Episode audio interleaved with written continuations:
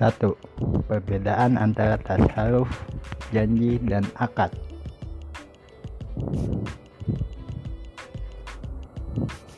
Pertama, secara bahasa, akad berarti ikatan, sambungan, dan perjanjian. Sedangkan menurut istilah, akad adalah perikatan ijab dengan kabul yang dibenarkan syariat dan mendapatkan keridoan kedua belah pihak atau dengan kata lain akad adalah segala sesuatu yang diperbuat oleh manusia dan melahirkan dampak hukum syariah baik hal tersebut dilakukan oleh satu pihak seperti najal, sodakoh, dan talak maupun dilakukan oleh dua belah pihak. Lalu, tasarruf menurut pengertian istilah fikih adalah segala tindakan yang dilakukan seseorang atas kehendaknya dan berdampak hukum lahirnya berbagai hak. Lalu, janji. Janji adalah suatu perbuatan yang mana satu orang atau melebih mengikatnya mengik, mengikatkan dirinya terhadap satu orang satu orang lain atau lebih?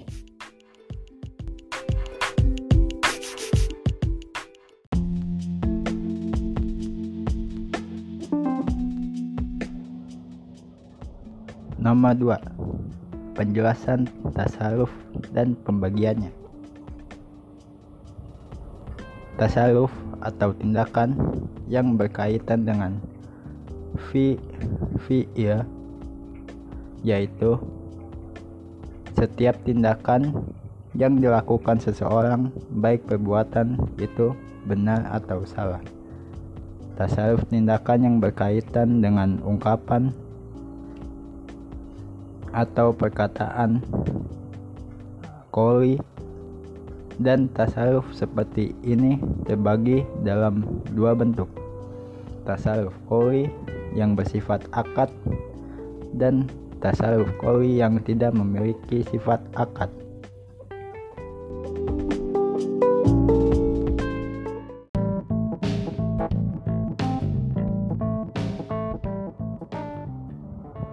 Nomor 3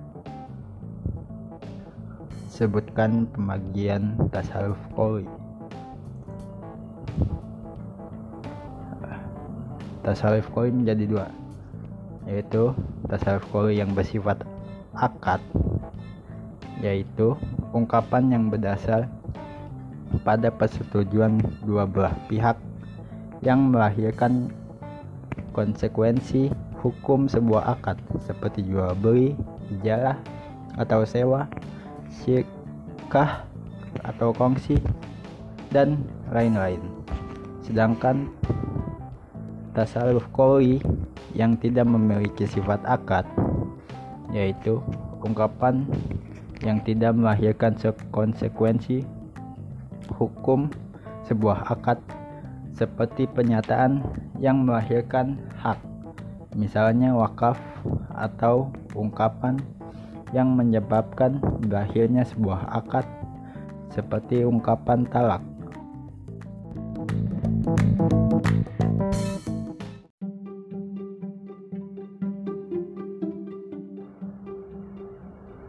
Nomor 4 Jelaskan pembagian tas tasharuf kawi goyil akdi Tasharuf kawi goyo akdi merupakan perkataan yang tidak bersifat akad atau tidak ada ijab dan kabul. Perkataan ini ada yang berupa pernyataan dan ada yang berupa perwujudan.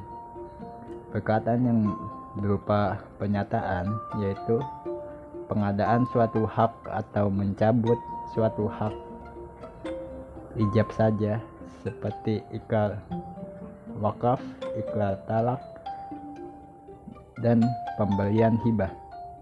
Namun, ada juga yang tidak sependapat mengenai hal ini, bahwa ikrar wakaf dan pemberian hibah bukanlah suatu akad meskipun pemberian wakaf dan hibah hanya ada pernyataan ijab saja tanpa ada pernyataan kabul kedua tasaruf ini tetap termasuk dalam tasaruf yang bersifat akad lalu ada perkataan yang berupa perwujudan yaitu dengan melakukan penuntutan hak atau dengan perkataan yang menyebabkan adanya akibat hukum.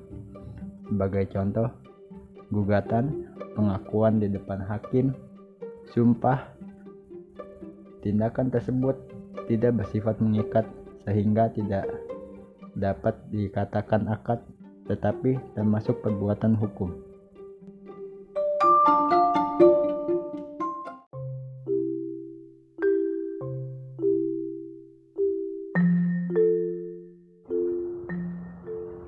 5. Bagaimana hukum dalam transaksi muamalah? Menurut Muhammad Usman Syubair, di kalangan fukaha terdapat empat pandangan mengenai janji atau wa'ad, yaitu sebagai berikut.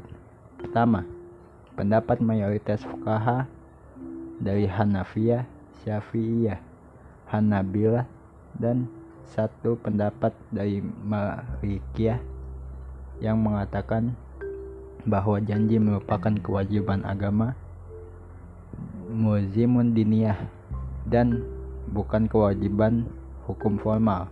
Boleh muzin khodaan karena wa'ad merupakan akad tabalu dan akad tabalu tidaklah lazimah atau mengikat. Kedua pendapat sebagai ulama di antaranya adalah Ibnu Syub Syubrumah Ishak bin Rawahiyah Hasan Bahri dan sebagai sebagian pendapat Malikiyah yang menyatakan bahwa janji itu wajib dipenuhi dan mengikat secara hukum. Hal ini didasarkan kepada firman Allah Subhanahu wa taala Hai orang-orang yang beriman, janganlah kamu mengatakan sesuatu yang tidak kamu lakukan. Amat besar kemurkaan diisi Allah bagi orang yang berkata akan tetapi tidak dilaksanakan. Kurat surat Asyaf ayat 1. Lalu di tiga pendapat sebagian fukaha Malikiyah yang menyatakan bahwa janji itu bersifat mengikat secara hukum apabila janji tersebut berkaitan dengan suatu sebab. Sekalipun sebab tersebut tidak menjadi bagian atau disebutkan dari pernyataan maut tersebut. Dan terakhir pendapat Malikiyah yang populer di antara mereka adalah pendapat Ibnu Qasim yang menyatakan bahwa janji itu bersifat mengikat untuk dipenuhi apabila berkaitan dengan sebab dan sebab tersebut ditegaskan dalam pernyataan janji tersebut.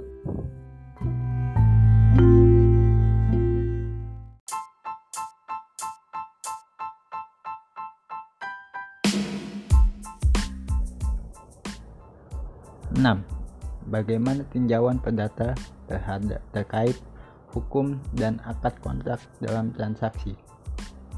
Akad kontrak atau akad tabal adalah perjanjian yang merupakan transaksi yang tidak ditujukan untuk memperoleh laba.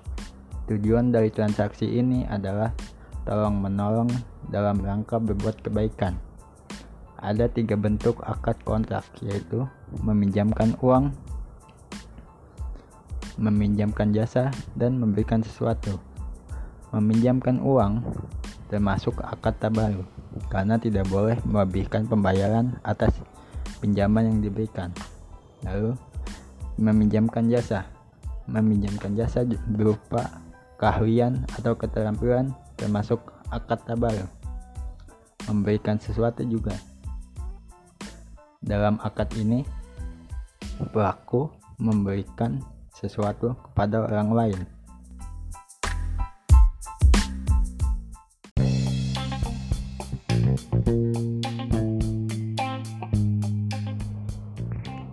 Tujuh. Bagaimana ketentuan antara wa'ad dan mu'adah? Dalam konteks fikih muamalah membedakan antara wa'ad dengan akad. Wa'ad adalah janji antara satu pihak dengan pihak lainnya, sementara akad adalah kontrak antara dua belah pihak. Wa'ad hanya mengikat satu pihak, yakni pihak yang memberi janji berkewajiban untuk memenuhi atau melaksanakan kewajibannya, sedangkan pihak yang diberi janji tidak memikul kewajiban apa-apa terhadap pihak lainnya. Dalam WAAP, terms and conditionnya belum ditetapkan secara rinci dan spesifik. Bila pihak berjanji tidak dapat memenuhi janjinya, maka sanksi yang diterimanya lebih merupakan sanksi moral. Sedangkan akad mengikat kedua belah pihak yang saling bersepakat, yakni masing-masing pihak terikat untuk melaksanakan kewajiban mereka masing-masing yang telah disepakati terlebih dahulu.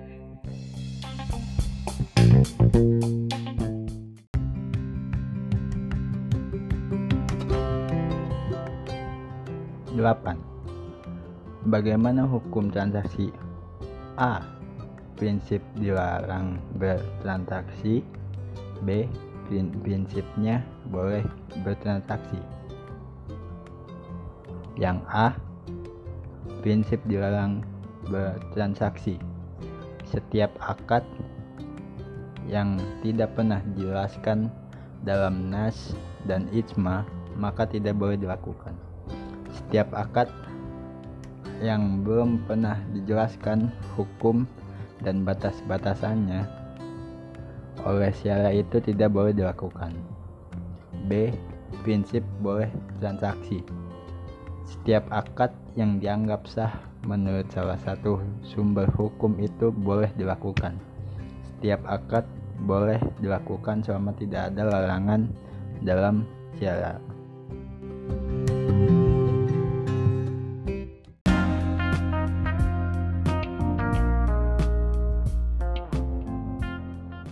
9. Contoh penerapan janji dalam bisnis dan keuangan menurut fatwa.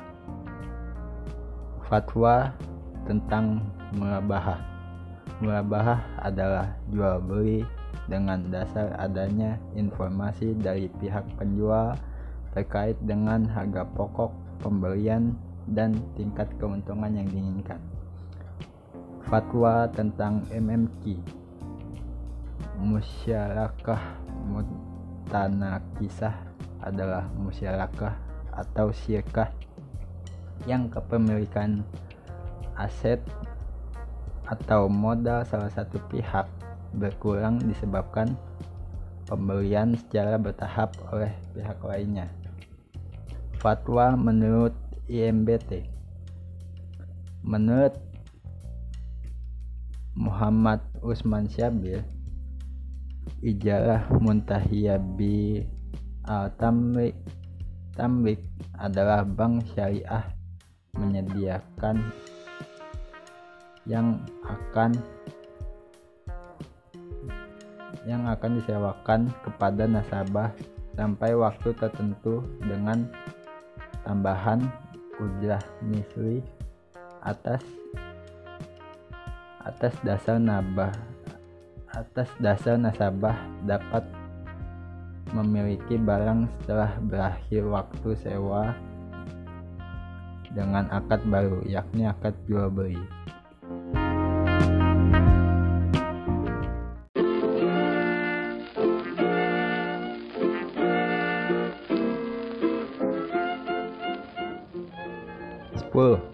Bagaimana analisa janji dan akad dalam transaksi bisnis pada e-commerce tentang perjanjian jual beli dianggap sudah berlangsung antara pihak penjual dan pembeli. apabila mereka telah menyetujui dan bersepakat tentang keadaan benda dan harga benda harga barang tersebut sekalipun barangnya belum diserahkan dan harganya belum dibayarkan.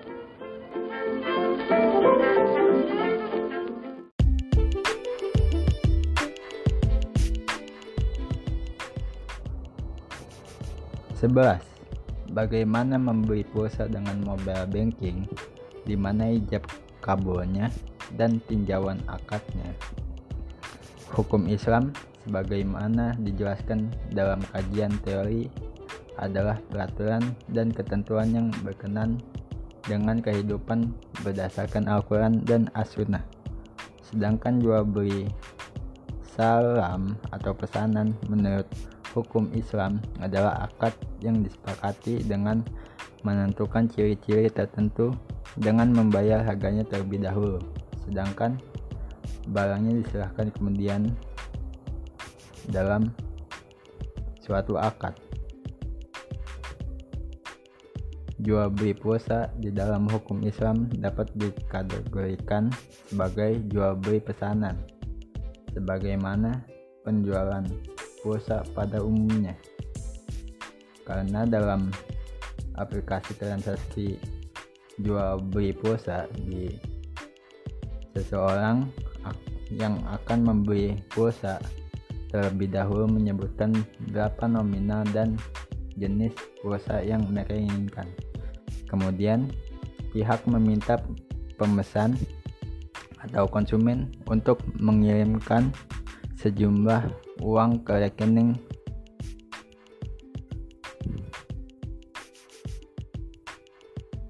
Setelah uang masuk ke rekeningnya barulah pihak mengirimkan pulsa pesanan konsumen.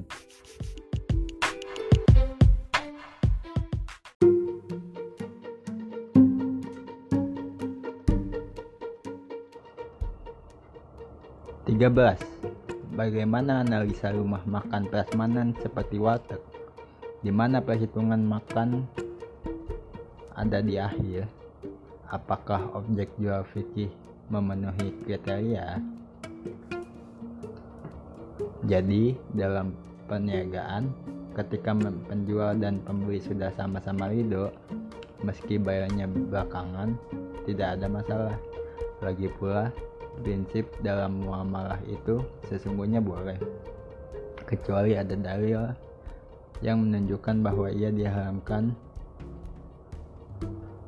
akad terjadi dengan landasan tradisi dalam suatu masyarakat. Artinya, jika dalam suatu masyarakat sudah menjadi tradisi makan dulu baru bayar belakangan, maka ya sama saja seperti akad.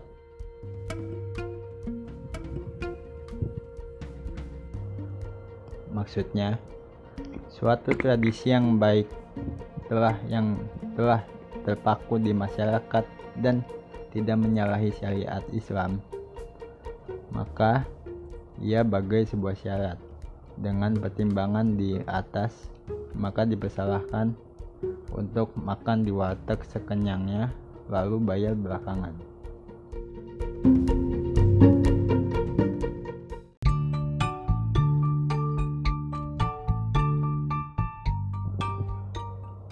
Empat belas. Bagaimana tinjauan hukum ketika kita membeli semen di toko pemilik pengusaha beragama Konghucu? Di dalam agama Islam, melakukan transaksi jual beli dengan non muslim tidak dilarang karena memang tidak ada dalil syar'i yang melarang hal tersebut. Selama hal tersebut tidak melanggar kaidah-kaidah dalam Islam dan barang yang dijual belikan tersebut adalah halal serta tidak mendatangkan kemudaratan baik bagi penjual ataupun pembeli, maka hal tersebut diperbolehkan.